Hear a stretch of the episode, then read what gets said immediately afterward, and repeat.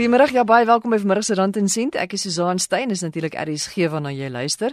Baie dankie dat jy ingeskakel het en jy kry vir ons 100 tot 104 FM op jou radio www.rsg.co.za in die res van die wêreld op jou slimfoon se toepassing, die RSG toepassing wat jy kan aflaai en die audio DStv kanaal 813. 15 Maart, dis nou eers komende donderdag, is dit wêreldverbruikersregte dag. Ons praat vanmiddag oor jou regte wanneer dit by skuld kom. Ons het ook die eerste gesprek in 'n kort reeks weer oor entrepreneurs en hoe jy kan begin met jou plan, uh, jou strategie en ook die implementering daarvan. Maar ons begin met iets wat min mense aan dink en wat die laaste tyd nogal redelik aandag of taamlik aandag getrek het in die media. Dis nou daai geld wat mense vergeet in hulle aftree en pensioen en voorsieningsfondse. In hierdie stadium is daar volgens statistieke van die Finansiële Diensteraad al meer as 40 miljard rand, of soos die Engelse sê biljoen rand, se onopgeëiste bates in die fonds. Richard Butler is die hoof van korporatiewe kliënteoplossings by Momentum Corporate. En Richard, dit is nou nogal 'n stewige bedrag hierse onopgeloste of onopgeëiste voordele wat in hierdie pensioen of voorsorgfondse lê. Net gou-gou presies, waar kom al hierdie geld vandaan? Onopgeëiste voordele is basies waar 'n lid van 'n pensioenfonds die pensioenfonds verlaat, 'n pensioen of voorsorgfonds die pensioenfonds verlaat en nie hulle eie hulle voordele binne 2 jaar opeis nie. Wat dan gebeur na 2 jaar klassifiseer die pensioenfonds daardie lid as 'n onopgeëiste lid en hulle vat daai geld en hulle berg in 'n spesiale rekening vir daardie lid. Sodat eendag as die lid dalk nou vorendag kom, sal hulle daai geld kan teruggee vir die lid. En wat gebeur dan met die geld as die lid nou nooit vorendag kom nie? Ja, dit gebeur ongelukkig ook gereeld. Ek weet op hierdie stadium praat die FSB, die Finansiële Dienste Raad, hulle praat van omtrent daar's 42 miljard rand in Suid-Afrika in hierdie fondse.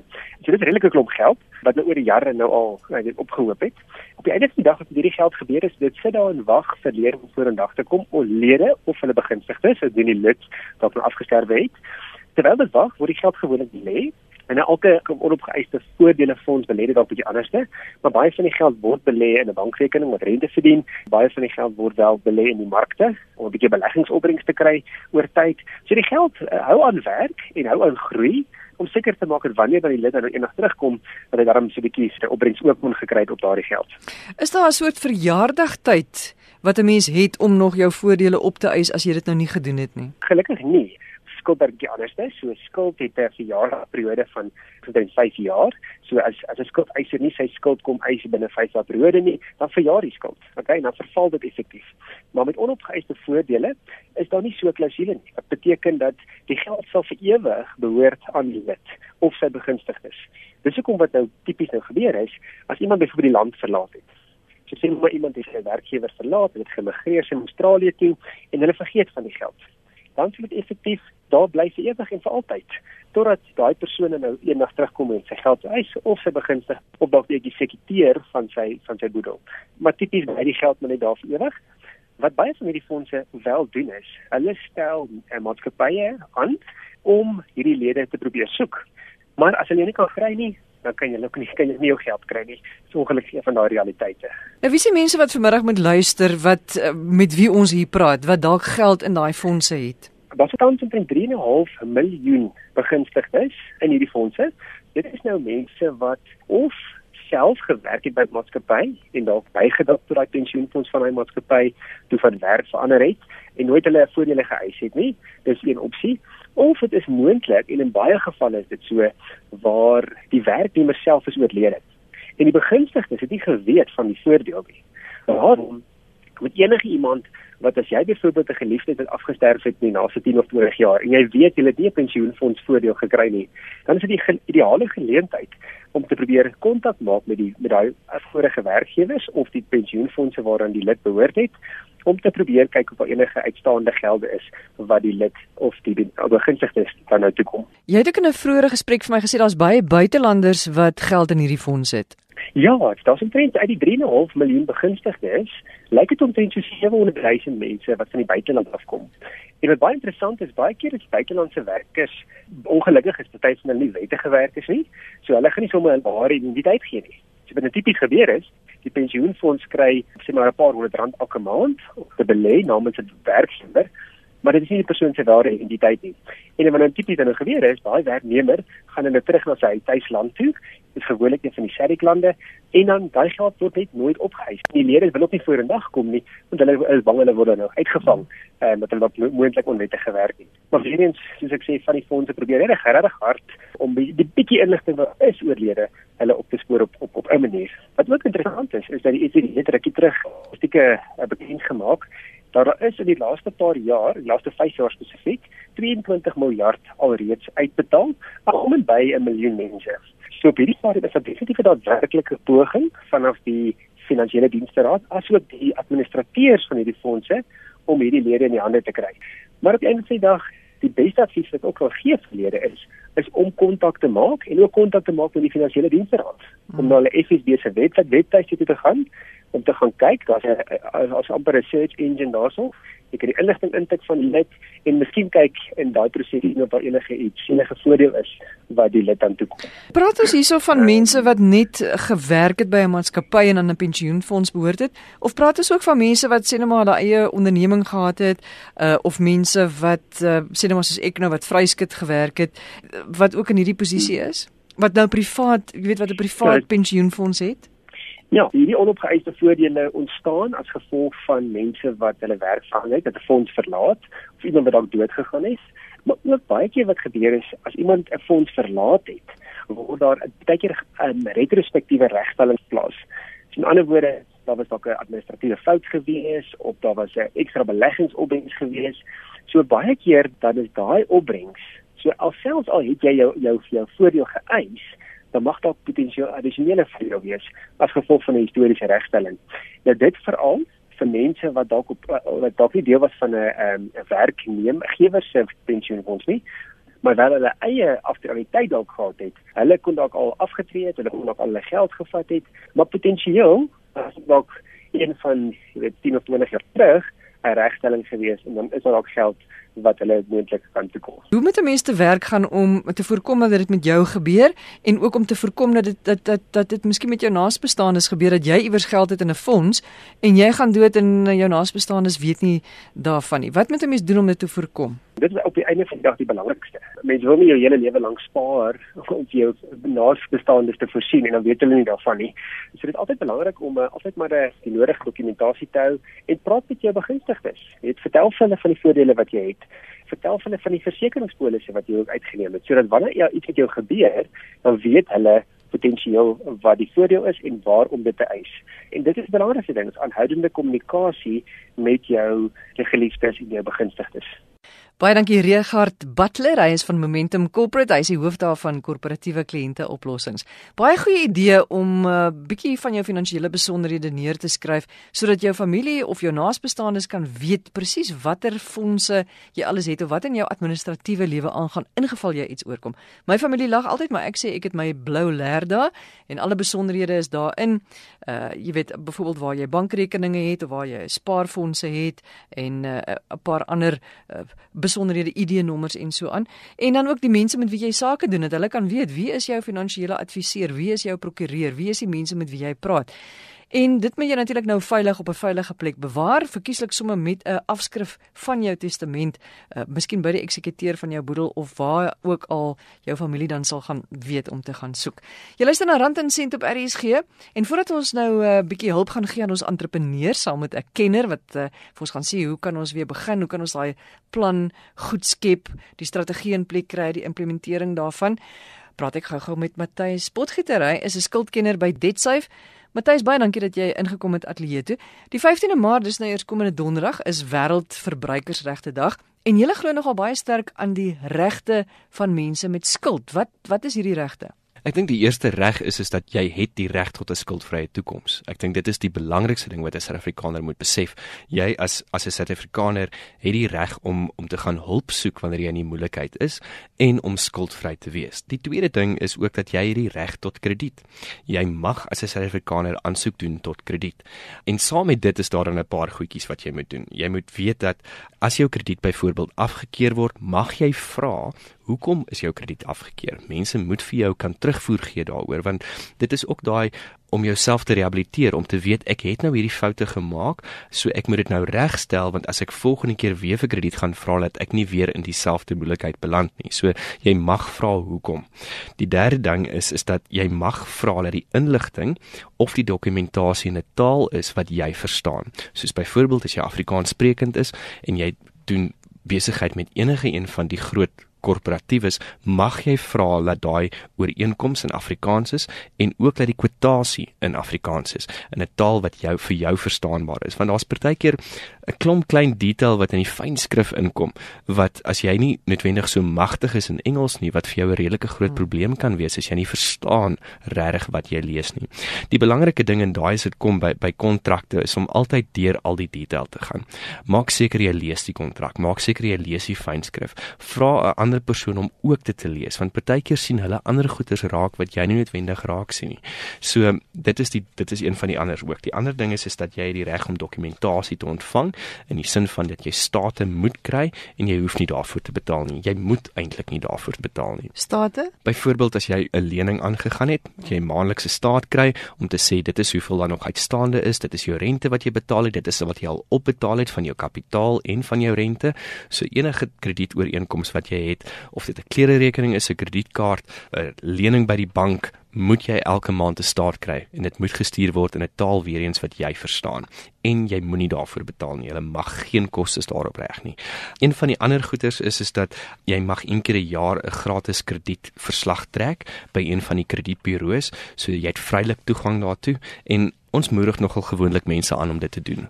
Doen dit aan die begin van die jaar, kyk wat is jou posisie, kyk hoe lyk jou skuldposisie, moontlike plekke waar jy dalk wil skuld uitgaan, hoe sien hulle jou posisie?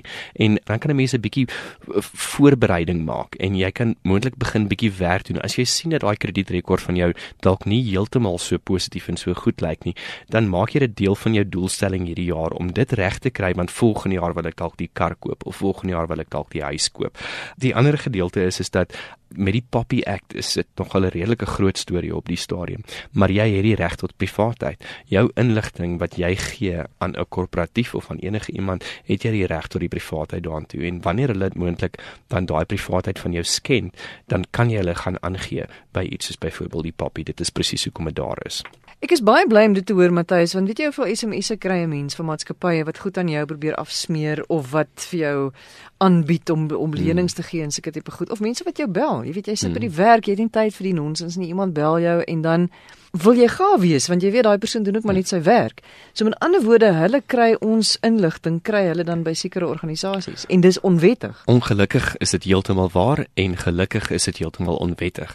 So ehm um, jy het ook die reg om te vra waar jy my inligting gekry en hulle moet dit aan jou openbaar.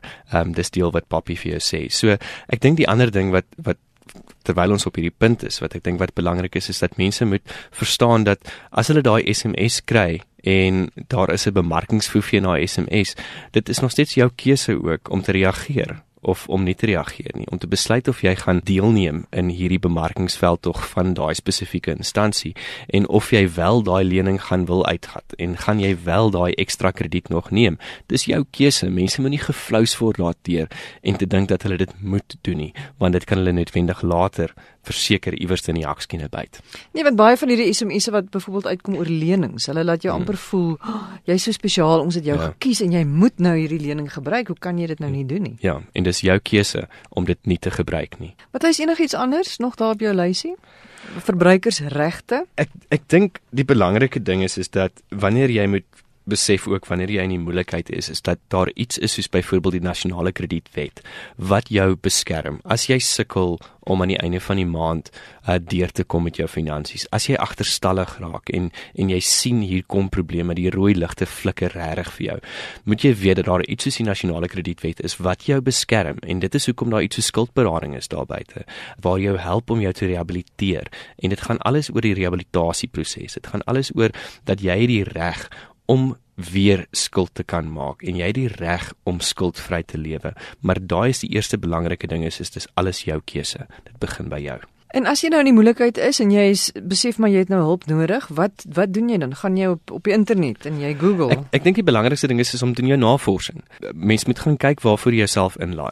Een ding wat ek altyd vir mense sê is dat skuldersiening is nie noodwendig 'n maklike pad nie. Dis 'n lang pad en dit kan partykeer aan veral in die begin, daai eerste 60 dae, eerste 90 dae is moeilik, want dit is 'n moeilike aanpassing wat jy moet maak. So mense moet nie dink hulle gaan in skuldersiening en dan is alles nou net rooskleurig nie en alles is net verby en ek kan net aangaan met my lewe nie. Dit is hoekom ons praat van die rehabilitasie. Jy as verbruiker moet saam met daai persone werk om jouself te rehabiliteer. So dit is harde werk van jou kant af ook. So gaan doen jou huiswerk. Maak seker dat jy by 'n 'n noemenswaardige instansie betrokke raak wat 'n goeie reputasie het. So gaan doen verseker jou huiswerk. Daar's ongelukkig baie fly by nights en um, dit dit gee partykeer vir die industrie 'n verskriklike slegte naam. So ek dink die verbruiker het weer eens, ons praat van regte, die reg om navorsing te doen, te gaan soek watter ene pas jou soos handskoen. Matthys baie dankie. Dis Matthys Potgietery is 'n skuldkenner by DebtSafe. Nou daar's 'n paar baie belangrike aspekte wat 'n mens se gedagte moet hou, dinge om in plek te kry voordat jy met 'n sakeonderneming begin. Een daarvan is byvoorbeeld om 'n goeie sakeplan op te trek wat sekere elemente moet bevat. Dr Gerard van Wyk is 'n bemarkingskundige wat spesialiseer in die ontwikkeling van nuwe geleenthede met spesifieke fokus op entrepreneurs en hy het ook 'n boek geskryf met die naam van What's Your Plan. Nou Dr van Wyk, ons gaan oor die volgende 3 of 4 programme gaan ons 'n paar van hierdie aspekte bespreek vir entrepreneurs wat wil begin. Jy gaan vir ons help en uh, vir hulle presies sê wat hulle alles moet doen.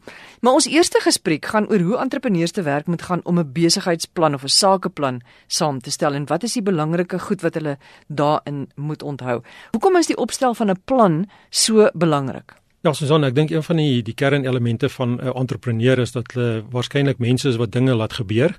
So hulle spandeer nie noodwendig so baie tyd in die beplanningsfase nie, hulle is meer in die aksiegedeelte. Ehm um, en dan dikwels ook is daar 'n persepsie dat 'n besigheidsplan baie kompleks moet wees.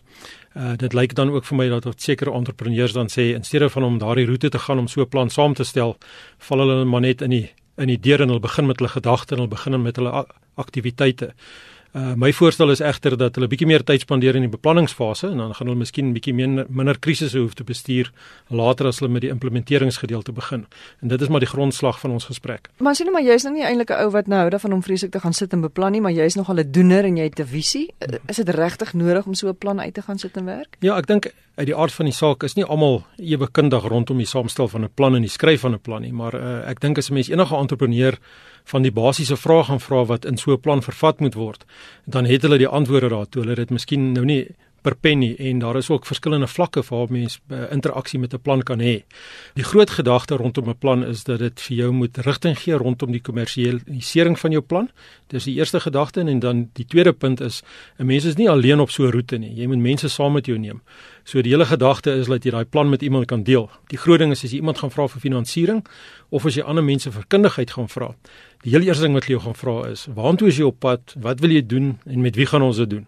En wat is die die winsgewendheid van hierdie gedagte van jou en dan moet jy dit op 'n sekere manier kan bloot lê en daarom kan 'n mens dan 'n basiese plan saamstel wat jou daai inligting en, en riglyne kan gee. So as iemand na jou toe kom en vir jou sê hoorie ek het hierdie fantastiese idee. Wat nou? Wat sê jy? Wat hoe begin jy met daai plan?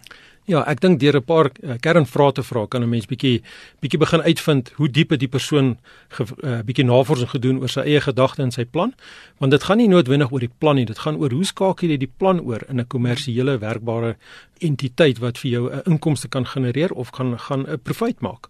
So wat is daai vrae wat jy jouself moet vra? Goed, ons begin eerstens by wat is jou visie? Nou baie mense sê 'n visie is 'n ding eh, in Engels sê hulle pie in the sky. Dis 'n ding wat daar bo is waar waartoe almal streef, maar niemand is 100% seker nie. 100% korrek. Jy moet weet wat is jou visie? Waartoe is jy eintlik op pad? Wat is dit wat jy wil bereik? Want eh, slegs as jy jou visie kan definieer, kan jy begin met jou missie. En jou missie is die gedeelte wat jou daarna toe lei. Met ander woorde, watter stappe is dit wat jy gaan doen? Nou as jy dit nie vir iemand kan verduidelik nie, dan is dit baie moeilik om mense in dieselfde bootjie te kry wat met jou gaan ondersteun om by daai visie en missie uit te kan kom. So ek dink dit is die eerste plek waar mense moet begin. Uh uh, rukkie gelede het ek met mense gesels en hulle sê as jy 'n probleem kan oplos, dan het jy 'n werkbare model wat jy aan iemand kan jy kan iets aan iemand verkoop as jy iemand se probleem kan oplos. En dis 100% korrek. Die enigste probleem is die die persone met wie ek gesels het baie tyd en energie spandeer om hierdie probleem op te los. En ja, dit is 'n baie vindingryke voorstel waarmee hulle vorendag gekom het om die probleem op te los. Die probleem is net egter dat as niemand dit wil koop nie en as die probleem nie regtig so groot is dat iemand wil betaal daarvoor nie, dan jy 'n klomp tyd en energie spandeer op iets wat nie regtig werkbaar is nie. Uh en en en en ek dink as 'n mens 'n bietjie meer tyd spandeer in die navorsingsgedeelte, dan kan jy jouself baie moeite spaar aan die einde. Goed, so jy het nou jou visie. Dis nou vraag 1, wat is jou visie en dan? Dis reg. Van jou visie af gaan jy na jou missie toe. Met ander woorde, watse metode gaan jy volg om by jou uh visie uit te kom? En uit daardie gedeelte uit kyk jy na jou makro en jou mikro omgewing en dan daar is daar verskillende onderafdelings wat jy dan ontleed. Uh om jou 'n voorbeeld te gee, as jy na jou uh, makro omgewing kyk, uh gaan kyk ons na ek weet nie of jou uh luisteraars so bekend is met van die bemarkingskonsepte nie, maar Potter was een van die ouens wat hierdie konsepte saamgestel het van 'n bemarkingsoogpunt af. Hulle noem dit die pestel. Met ander woorde, jy gaan kyk hoe lyk jou politieke omgewing? Ons weet dat ons uh, verandering in ons president gehad het, die hele politieke landskap het verander.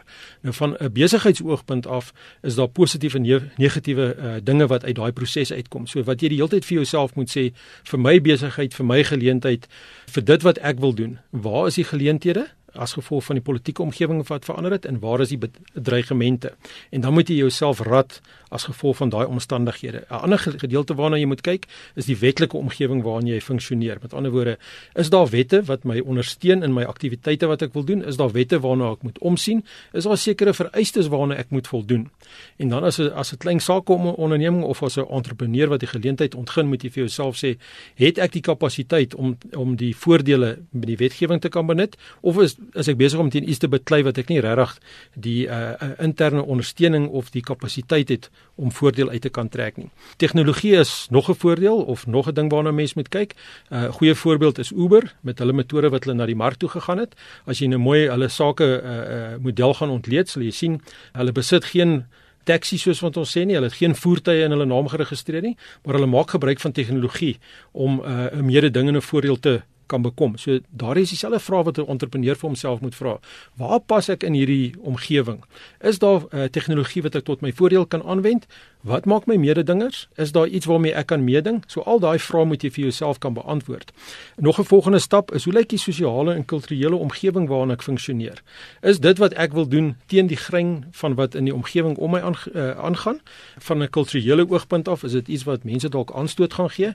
Is daar iets waar ek uit kan kan voordeel trek rondom my aktiwiteite en dan natuurlik ons omgewing? Jy weet, is dit wat ek gaan doen gaan dit skadelik wees vir die omgewing of gaan dit bydraend wees om 'n uh, 'n uh, 'n uh, langdurige uh, uh, soos hulle sê 'n sustainable environment te create vir my produkte en dienste wat ek na die mark toe vat. So van 'n makro om, omgewing oogpunt is daai van die basiese vrae wat ons moet kan beantwoord. Indien 'n entrepreneur daai basiese uh, huiswerk gedoen het, sal hy in 'n baie gou-gou in 'n in 'n posisie wees om te verstaan of daar 'n geleentheid vir hom is om verder te gaan met sy plan. En moet sy plan aan al daai vereistes voldoen of kan jy miskien as jy aan 3 van daai 5 voldoen dan is jy al goed ja, genoeg? Ja, ek ek ek, ek wil dit eintlik so kwalifiseer deur te sê dis nie dat die plan aan die vereistes moet voldoen nie. Ehm um, hy moet ten minste daardie elemente in sy oorweging geneem het tydens sy plan. Want dit gaan nie altyd tot jou voordeel wees die verandering in daai verskillende omgewings nie, maar jy moet dit ten minste deel. Jy moet ten minste weet dat kom ons neem 'n voorbeeld, as ek in 'n spesifieke industrie gaan funksioneer, dat daar spesifieke wetgewing vir daai in, industrie is. Ek moenie 'n klomp onkoste aangaan en 'n klomp infrastruktuur in plek sit en dan agterkom o genade ek het 'n lisensie nodig gehad om 'n spesifieke ding te doen of ek mag net in 'n spesifieke gebied funksioneer met my produk. Ek mag net 'n sekere aktiwiteit doen nie. So daai's goed uh, om die antwoorde van dit te kry voordat jy met die aktiwiteit begin. So wanneer jy nou hierdie plan het, is jy dan nou gereed om weg te val? Ek dink daar's nog 'n hele paar stappe in die proses wat ons moet nagaan en daarom is dit 'n bietjie van 'n langdurige aktiwiteit vir entrepreneurs wat 'n bietjie haastig is om te begin. Want sodra hulle hulle besigheidsplan of hulle gesprek met 'n 'n finansier ings uh, organisasies soos 'n bank of ander mense wat in hulle besigheid wil belê, begin deel, dan gaan hierdie vrae vorendag kom waar hulle jou gaan vra, het jy gedink aan hierdie? Weet jy van daai? Het jy hierdie huiswerk al gedoen? En dan moet jy in 'n posisie wees om daai vrae vir jouself te kan antwoord. Dokter van Wyk baie dankie vir hierdie eerste gesprek in ons poging om entrepreneurs te help om hulle sake agter mekaar te kry voordat hulle 'n sakeonderneming begin. Dis Dr Gerard van Wyk, hy is 'n bemarkingskundige wat spesialiseer in die ontwikkeling van nuwe geleenthede met spesifieke fokus op entrepreneurs. Hy is ook die skrywer van die boek What's Your Plan? En volgende week gaan ons verder kyk na die strategie wat jy in plek moet hê, hoe jy dit alles bymekaar moet kry, hoe jy jou navorsing moet doen. Uiteindelik gaan ons ook praat oor die implementering van jou sakeplan. Goed, as jy weer wil gaan luister na enige van ons gesprekke, www.rsg.co.za as jy vir my e-pos wil stuur, dis Susan@rsg.co.za. En uh, dankie dat jy vanmiddag saam geluister het en ek hoop ek sien jou volgende Sondagmiddag 5uur weer hier by RSG. Hoop is 'n mooi week vir jou. Totsiens.